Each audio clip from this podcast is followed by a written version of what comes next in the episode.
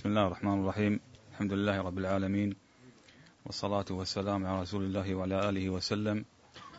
قال الإمام محمد بن عبد الوهاب رحمه الله تعالى ومنها عدم الاغترار بالعلم فإن اللعين كان من أعلم, أعلم الخلق فكان من أمره ما كان. ومنها عدم الاغترار بالرتبة والمنزلة فإنه كان له منزلة رفيعة وكذلك بلعام وغيره ممن له علم ورتبة ثم سلب ذلك. ومنها معرفة العداوة التي بين آدم وذريته. الحمد لله رب العالمين والصلاة والسلام على المبعوث رحمة للعالمين وعلى آله وسلم. أما بعد فهذه فائدة أخرى مستنبطة من هذه القصة العظيمة. استنبطها هذا الإمام رحمه الله تعالى فقال ومنها عدم الاغترار بالرتبة والمنزلة فإنه كان له منزلة رفيعة يعني إبليس. وكذلك بلعام وغيره ممن له علم ورتبة ثم سلب ذلك. هذه الفائدة شبيهة هي صنم الفائدة التي ذكرت في الأسبوع الماضي حيث أن الأسبوع الماضي قال الإمام منها عدم الاغترار بالعلم فإن اللعين كان من أعلم الخلق فكان من أمره ما كان فهناك تشابه بين فائدة الأسبوع الماضي وبين فائدة هذا الأسبوع. لكن الفرق بين الفائدتين أن فائدة الأسبوع الماضي تركزت على شأن إبليس. أما فائدة هذا الأسبوع فمثل لها الإمام رحمه الله تعالى ببلعام. وقبل أن نتكلم عن قصة بلعام وما جاء فيه من آي الذكر العزيز. أحب أن أعلق على قوله رحمه الله تعالى عدم الاغترار بالرتبة والمنزلة. فالرتبة والمنزلة حقيقة يعني هذه تحتاج إلى نوع من الشرح. فرتبة الإنسان ومنزلته المقصود بها هنا منزلته عند الخلق. المقصود بها هنا منزلته ومرتبته عند الخلق. هذا هذا من حيث العموم. يعني أقصد أن الإنسان قد يكون له مرتبة ومنزلة عند الناس. إما رئاسة دينية وإما رئاسة دنيوية. فهذا من جهة الناس لا انفكاك عنه. وهناك من يستحق هذه المنزلة وجوبا. هناك من يستحق هذه المنزلة وجوبا. مثل الأنبياء عليهم الصلاة والسلام. فلهم منزلة عند الخلق لأنهم أنبياء الله تبارك وتعالى. كذلك مثلا من فضل من جهة الشرع ومن جهة تزكية الرب تبارك وتعالى بتزكية خاصة كأصحاب النبي صلى الله عليه وآله وسلم. فإنه يجب شرعا أن يكون لهم في قلوب المؤمنين منزلة من الولاء ومن المتابعة وغير ذلك. فلم يبقى إلا أهل العلم.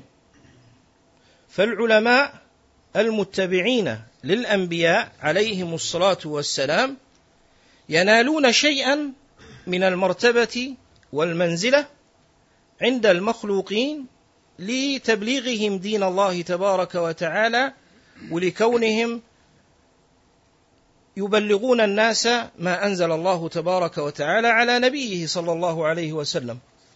فيكون لهم شيء من المنزلة عند المخلوقين. لكن هذه المنزلة والمرتبة ينبغي أن يعلم من جهة أخرى وهو ما بين العبد وبين ربه تبارك وتعالى. فنبينا صلى الله عليه وآله وسلم حين ذكره الله تبارك وتعالى في مواضع التشريف والتكريم في القرآن العزيز كانت كل المواضع التي ذكر فيها النبي صلى الله عليه وسلم في مدح الرب تبارك وتعالى وصف فيها بالعبودية لله تبارك وتعالى. وهذا في مواضع من كلام الله جل وعلا كقول الله سبحانه وتعالى سبحان الذي أسرى بعبده ليلا. وقول الله تبارك وتعالى ولما قام عبد الله يدعوه. اذا فنبينا صلى الله عليه وسلم حين أن خير أن يكون ملكا ملكا رسولا أو عبدا نبيا اختار أن يكون عبدا صلى الله عليه وسلم. فدل ذلك على أن شرف الإنسان وعلو منزلته في الحقيقة ينالها بمقدار تحقيقه لعبودية الله تبارك وتعالى. فهذه حقيقة ينبغي أن تكون واضحة. ينبغي أن تكون واضحة أن منزلة العبد هي في عبادة الله تبارك وتعالى. لكن ضرورة البشر من جهة أنه لا بد وأن يبلغوا دين الله كان لا بد من وجود أهل العلم الذين يحفظون على الناس أمر دينهم ويبلغونهم رسالات الله جل وعلا. هذه نقطة أو مسألة. أما فيما يتعلق بما مثل به الإمام رحمه الله تعالى وهو بلعام فبلعام هذا جاءت قصته في قول الله تبارك وتعالى واتل عليهم نبأ الذي آتيناه آياتنا فانسلخ منها فأتبعه الشيطان فكان من الغاوين. ولو شئنا لرفعناه بها ولكنه أخلد إلى الأرض واتبع هواه. فمثله كمثل الكلب إن تحمل عليه يلهث أو تتركه يلهث. ذلك مثل القوم الذين كذبوا بآياتنا فاقصص القصص لعلهم يتفكرون ساء مثلا القوم الذين كذبوا بآياتنا وأنفسهم كانوا يظلمون من يهدي الله فهو المهتدي ومن يضلل فأولئك هم الخاسرون. قال عبد الله بن مسعود رضي الله عنه أن هذا الرجل الذي جاء فيه ذكر هذه الآيات اسمه كان من بني إسرائيل واسمه بلعم ابن أبر. وجاء عن ابن عباس أن المقصود بهذه الآيات هو صيفي ابن الراهب وقال العوفي أن هذه وقال العوفي عن ابن عباس رضي الله عنهما أيضا أنه رجل كان من أهل اليمن وأن اسمه بلعم وكان قد آتاه الله آياته فتركها. وقال مالك بن دينار أنه كان من علماء بني إسرائيل وكان مجاب الدعوة وكان مجاب الدعوة. حتى يعني جاء في أثره كان مجاب الدعوة يفزعون إليه عند الشدائد يعني أنهم يقدمونه في دعائهم. فأرسل فبعثه موسى عليه الصلاة والسلام إلى ملك مدين. فأقطعه وأعطاه. أقطعه من الأراضي وأعطاه من الدنيا. فتبع دينه وترك دين موسى. وعن ابن عباس أن هذا الرجل اسمه بلعم ابن بلعم ابن باعر. وكذلك جاء عن مجاهد وعكرمة. وعن ابن عباس أنه بلعام مثل ما اختار المصنف هنا. وقال عبد الله بن عمرو بن العاص رضي الله عنهما أن المراد بهذه الآية هو أمية ابن أبي الصلت. وقد علق ابن كثير رحمه الله تعالى هنا مبينا. أن هذه الآية ليست في أمية لكن شأن أمية بن أبي الصلت مثل شأن بلعام هذا. فإنه رجل كان قد قرأ من الكتاب في الجاهلية وكان قد علم من الحق ما شاء الله وكان له من الثناء على الله جل وعلا وتمجيده وذكر توحيده الشيء الكثير. فلما بعث النبي صلى الله عليه وسلم أبى أن يؤمن به. ولذلك جاء في بعض الأحاديث آمن لسانه ولم يؤمن قلبه.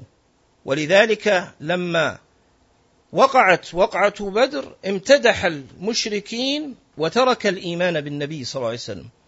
فحاله اذا شبيه بحال بلعام هذا لكن الآية لم تنزل فيه. بلعام هذا جاءت فيه قصص ذكرها أهل العلم بالتفسير. بعضها غريب وبعضها ضعيف وبعضها من الإسرائيليات. لكن مجمل ما جاء في هذه القصص مجمل ما جاء في هذه القصص أنه رجل آتاه الله تبارك وتعالى علما.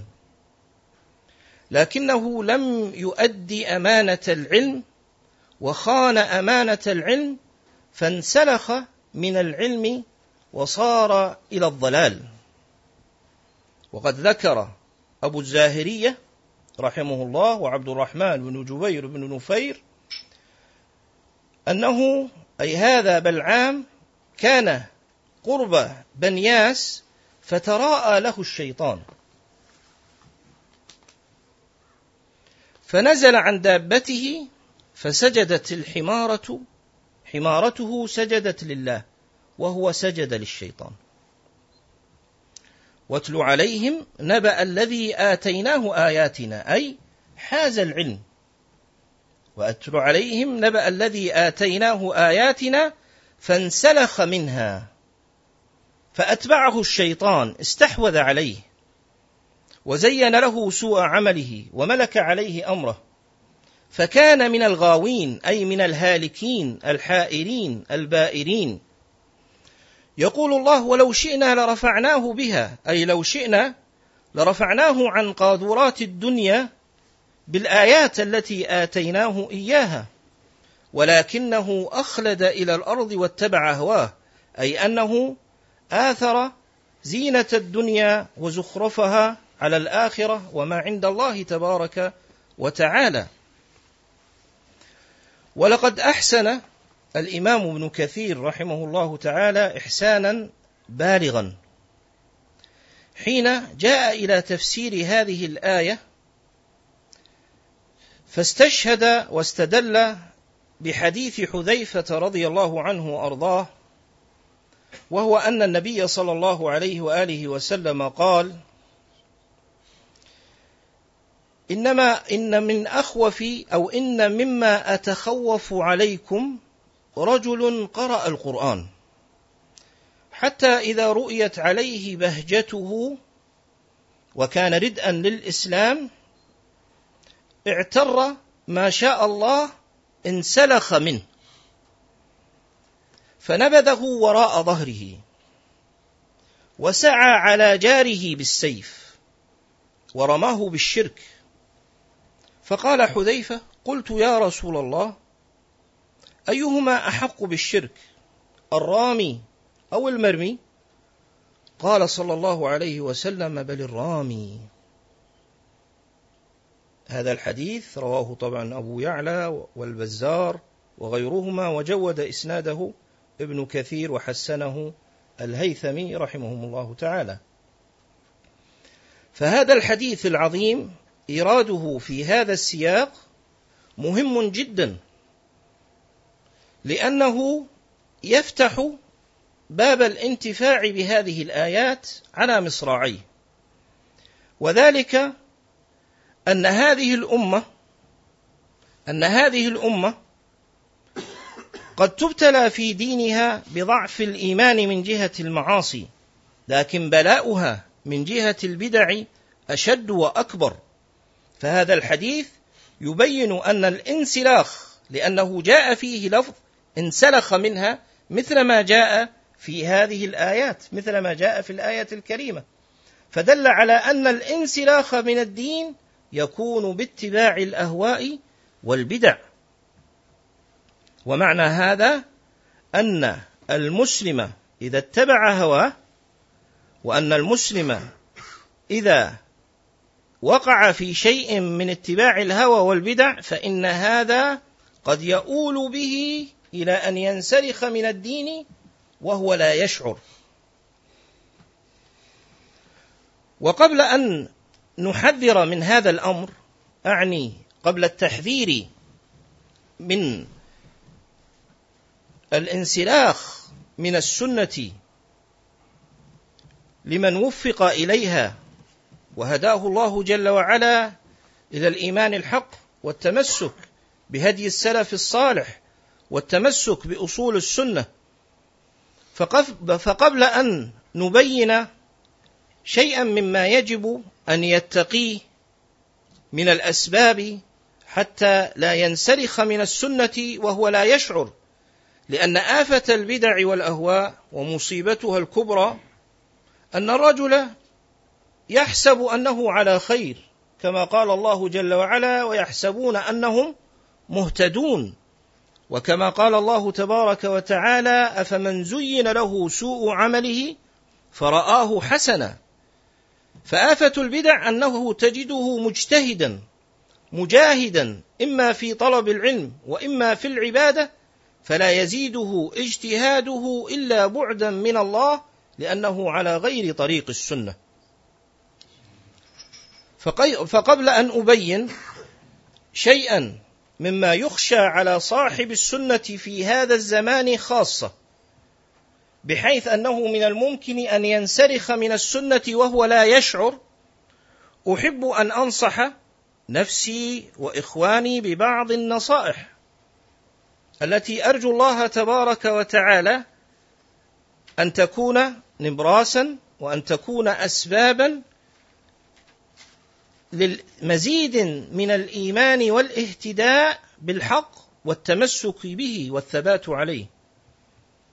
فأول هذه الوصايا والنصائح أن يصدق المسلم في تدينه وأن يخلص لله جل وعلا وأن يكثر من الضراعة. لله تبارك وتعالى أن يثبته ويهديه ونحو ذلك من الأسباب المشروعة. كما كان النبي صلى الله عليه وسلم كما في الترمذي يستعيذ من الحور بعد الكور. وكما كان صلى الله عليه وسلم يسأل الله جل وعلا الثبات في الأمر. فهذا لا بد منه. صدق الديانة والإخلاص والإيمان الحق ودعاء الله جل وعلا الهداية لأن الهداية كما قرأنا في الآيات وفي خاتمتها أن الله يهدي من يشاء. ويضل من يشاء. فإذا الهداية هي كرامة الله جل وعلا للعبد. فلا بد من أن يتعرض العبد لكرامة الله هذه. فيكون صادق الديانة في تمسكه بالسنة. النصيحة الثانية أن يتمسك بالسنة بقوة وبشدة كما أمر النبي صلى الله عليه وسلم. عضوا عليها بالنواجذ. اذا فلا بد من قوة التمسك بالحق والأخذ به بالقوة والاقتصار عليه.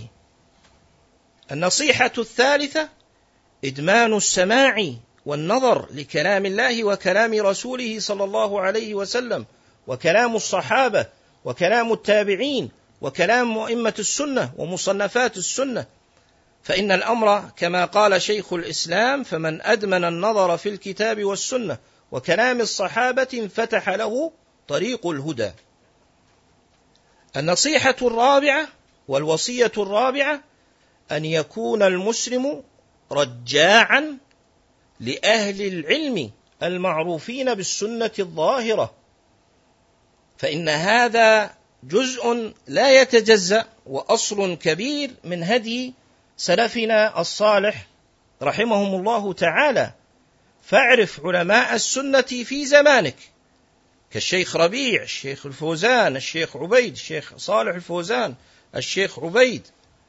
وهكذا تعرفهم وترجع إليهم خاصة في النوازل القتال التبديع التكفير ونحو ذلك. فما دمت ممتعا بأهل العلم ارجع إليهم.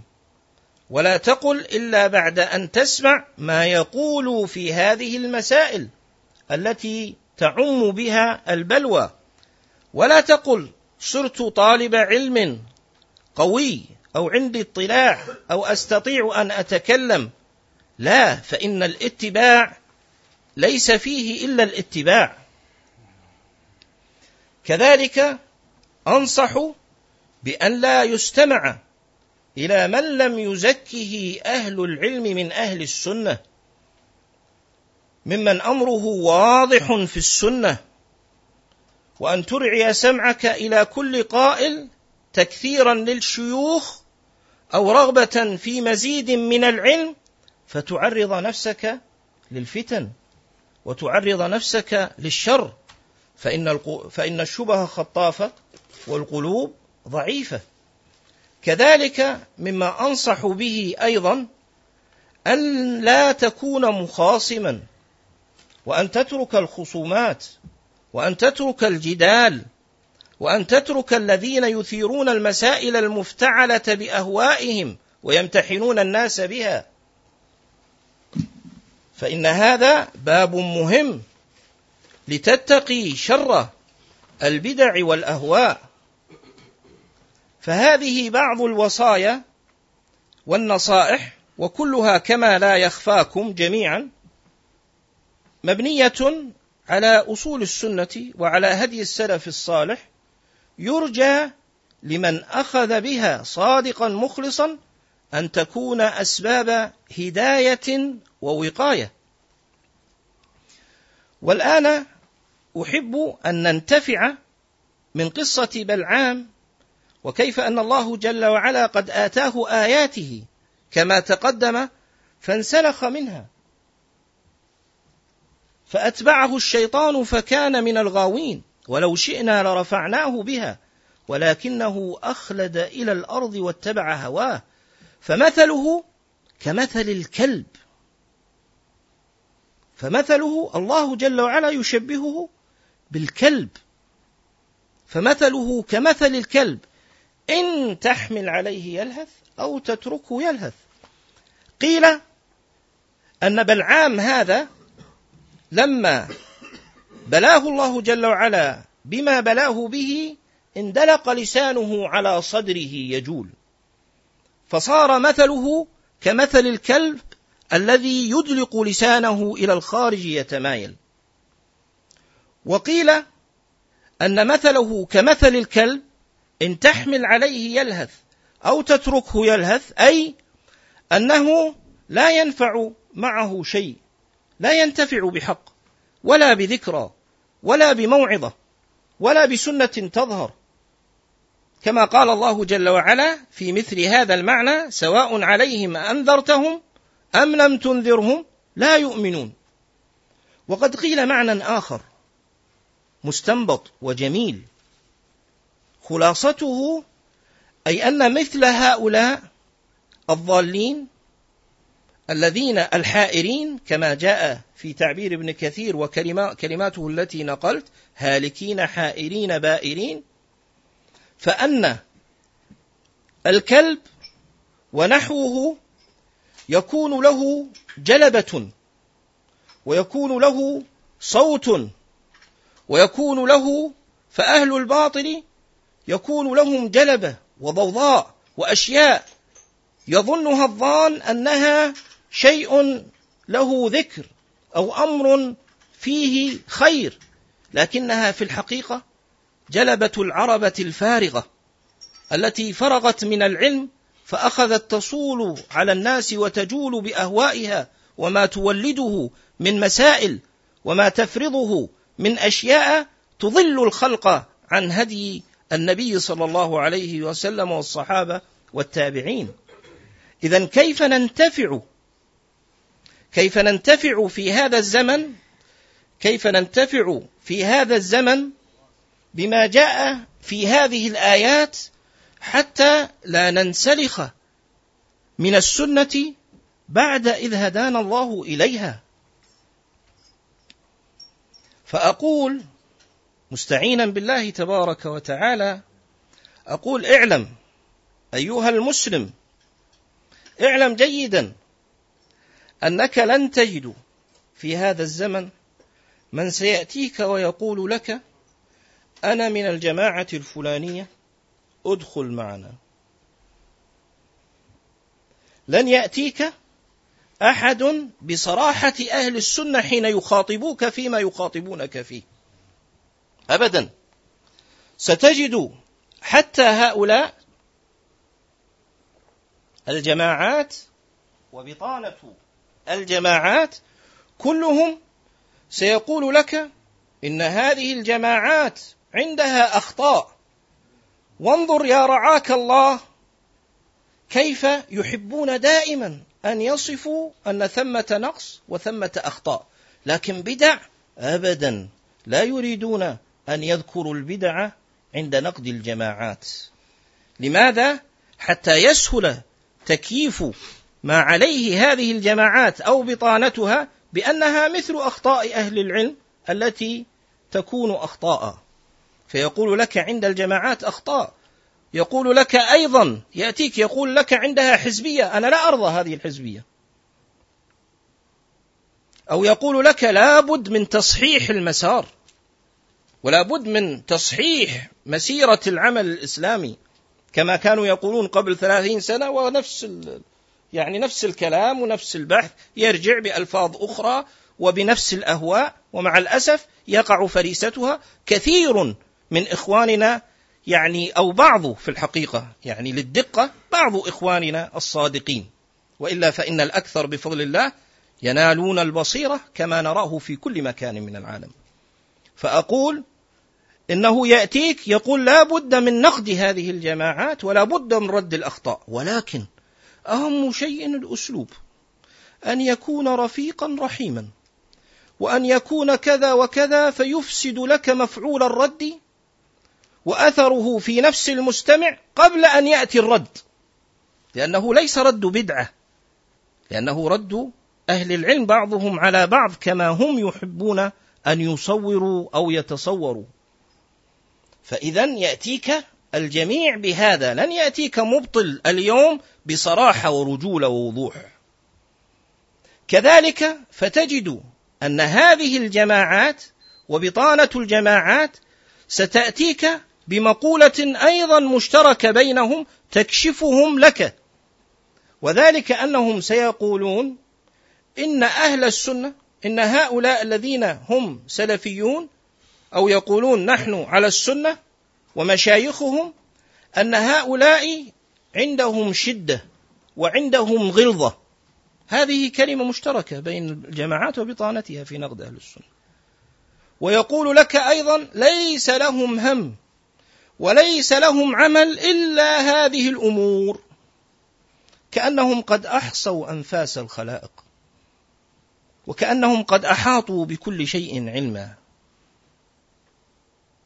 وكذلك يقول لك وهذه ضميمة تدلك على حقيقتهم والقرب الذي بين الجماعات وبطانتها أن هؤلاء ليس عندهم غيرة ومشاركة في أمور الأمة العامة. وليس عندهم ردود وحماس في الردود على العلمانيين. وليس عندهم وليس عندهم. فهذا شيء مشترك بين الجماعات وبطانتها تكشف لك نوعا ممن انسلخ من السنة إلى الأهواء والبدع من حيث يعلم أو من حيث لا يعلم. لأن من تتجارى به الأهواء قد لا يدري أين يحط. لا يدري أين محطه. كل البهائم والعجماوات والطيور وغيرها تصير إلى قصد وترجع بقصد تعرف ما لها وما عليها. لكن صاحب الهوى مثل المخمور والسكران لا يدري أين سيصل به الأمر. عياذا بالله تبارك وتعالى. فأقول إذا كان الله تبارك وتعالى قد بين سبحانه وتعالى أن الباطل المحض الباطل المحض الواضح. إذا قرن بزخرف القول قد يكون له رواج في الناس. إذا كان باطل غلف بزخرف من القول قد يكون له رواج في الناس. فكيف بمن ينتحل السنة أو بعض السنة ثم يغلف هذا الأمر بزخرف من القول ولين من الكلام فكيف سيكون فتكه وضرره على الناس؟ سيكون أعظم وأعظم إلا ما رحم الله. ولذلك كلكم يعلم قصة الإمام أحمد رحمه الله تعالى مع المسمى بالكرابيسي وهو رجل قد طلب العلم والحديث والسنة ودرج مع أهل الحديث فيما هم فيه ثم ما لبث إلا وصار إلى بعض أقوال أهل البدع. فلما وقع في شيء من البدع والأهواء صنف تصنيفا. فلما صنف هذا التصنيف كان ضرر هذا التصنيف على عموم المسلمين أعظم من بعض ضرر كلام أهل البدع لأن الأمر كما قال الإمام أحمد رحمه الله تعالى وضع لهم ما لم يحسنوا إذا ولذلك فكلنا يعلم أن الفتنة التي جرت بسبب مؤسس جماعة التراث إمامها العلمي وأبوها الروحي عبد الرحمن عبد الخالق كانت من أعظم الشرور التي وقعت على أهل السنة خلال الثلاثين عاما المنصرمة لماذا؟ لأن باطله كان له ظاهر وهو إظهار العناية بالعقيدة الصحيحة والتمسك بهدي السلف وتحريم تقليد المذاهب ووجوب الاتباع ومثل هذه المسائل التي يشتهر عند الناس أنها دلالة على اتباع السلف واتباع الاعتقاد الصحيح. فكانت فتنته أعظم فتنة على أهل السنة. وكذلك اليوم شأن بطانة الجماعات التي صنعت على أعين هذه الجماعات فقربتها إليها فصاروا يخدمون ما عليه هذه الجماعات ويريدون أن الفرقان الذي وفق إليه الله تبارك وتعالى بنصره ما بين السنة والبدعة ما بين الجماعات الإسلامية السياسية وأهل السنة هذا الفرقان العظيم الذي حصل يريدون أن يكسروا حدته وأن يزيلوا هيبته وأن يقربوا الأمور ويخلطوا الأوراق من جديد. إنه خطر جديد قائم إذا أرعيته سمعك أو قربت من دعاته فقد تكون على خطر في دينك وفي اتباعك للسنة فقد يرجعونك إلى شيء من أهواء الجماعات من حيث تشعر أو لا تشعر. الله سبحانه وتعالى قال وقوله الحق ولا تلبسوا الحق بالباطل وتكتموا الحق وأنتم تعلمون. فنهى الله جل وعلا عن الأمرين عن لبس الحق بالباطل وعن كتمان الحق. فالجماعة بطانة الجماعات تلبس الحق بالباطل. تهون من الخلاف مع الجماعات السياسية الإسلامية. تطعن في أهل السنة وتنفر الناس منهم. فإذا وقع المسلم فريسة لهم فلن يلبث إلا وستضعف اليقين في قلبه والغيرة من نفسه والتمسك بالسنة. ولذلك كان سلفنا الصالح رحمهم الله تعالى علماء رحماء فقهاء. فكانوا إذا رأوا الرجل يريد أن يجالس أهل البدعة والسنة قالوا هذا يريد أن يخلط بين الحق والباطل. إذا رأوا الرجل يتصرف نحو هذه التصرفات يجلس عند أهل السنة ويجلس عند أهل البدعة. قالوا هذا أشد علينا من أهل البدعة. لماذا؟ هذه ليست شدة لكنها فرقان حتى يفترق الحق عن الباطل والسنة عن البدعة. إذا فينبغي على المسلم الناصح أن يتمسك بالسنة تمسكا صادقا وأن يخشى أن يطرأ عليه أو أن يحصل له مثل ما حصل لبلعام هذا. فبلعام هذا كما سبق كان مجاب الدعوة كما نقلت. وهذا أيضا جاء عن عبد الرحمن بن زيد بن أسلم رحمه الله أيضا. فكان رجل مجاب الدعوة وكان رجلا كبيرا في بني إسرائيل وعالما لكنه خان أمانة العلم فليس بين الله وبين عباده إلا الاعتصام بالحق والنصيحة للخلق. ليس البدع انظر إلى علماء أهل السنة والجماعة كالبربهاري رحمه الله تعالى وغيره حين يذكرون البدع هل تجد أحدا من أئمة السنة قط؟ رأيت في كلامه تهوينا من شيء من البدع أو تخفيفا من أمرها من جهة التنفير منها؟ من جهة التنفير منها؟ أبدا.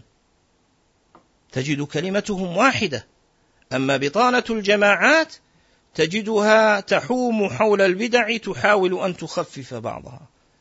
وهكذا في أشياء وأشياء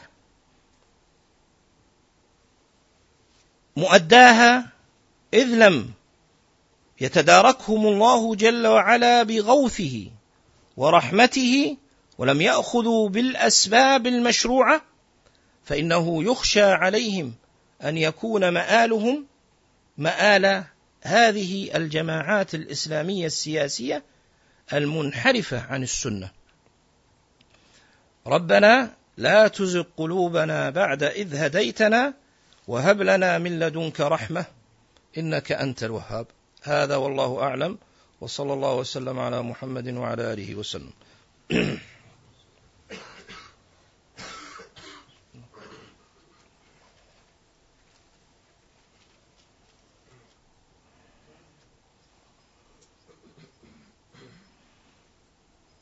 طبعا يقول كيف يفرق بين التمسك بالسنة بقوة وبين الغلو والتنطع؟ الفرق واضح. الغلو والتنطع شيء والتمسك بالحق بقوة شيء آخر. التمسك بالحق أن يعتقد الحق ويستيقنه قلبه ويتمسك به بكل قوة مثل ما أمر النبي صلى الله عليه وسلم. عضوا عليها بالنواجذ.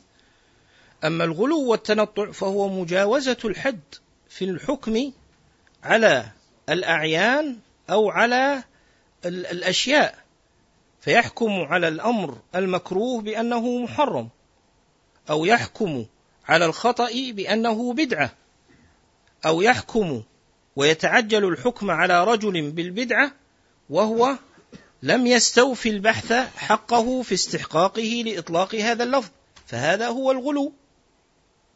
مثل ما تصنع الحدادية حين يطعنون على الألباني رحمه الله على الشيخ ربيع حفظه الله فهم يطعنون فأنت تجد لغتهم وأحكامهم فيها غلو ثم يزعمون يعني يعكسون ما عليه بطانة الجماعات. فكما أن بطانة الجماعات تريد أن تجذب البحث إلى أخطاء فهؤلاء يريدون أن يجذبوا الأخطاء إلى بدع. فالفرق بفضل الله تبارك وتعالى واضح.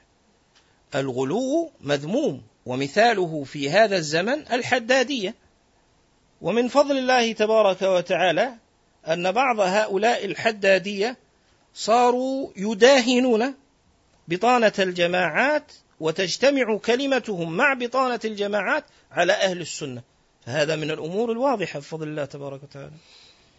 يقول ذكرتم خيانة أمانة العلم. فكيف يكون خيانة أمانة العلم؟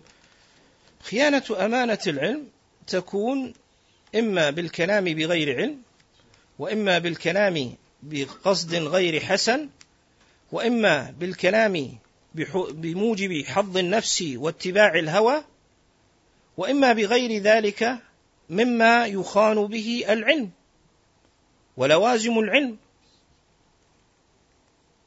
فهكذا تكون الخيانة. نعم.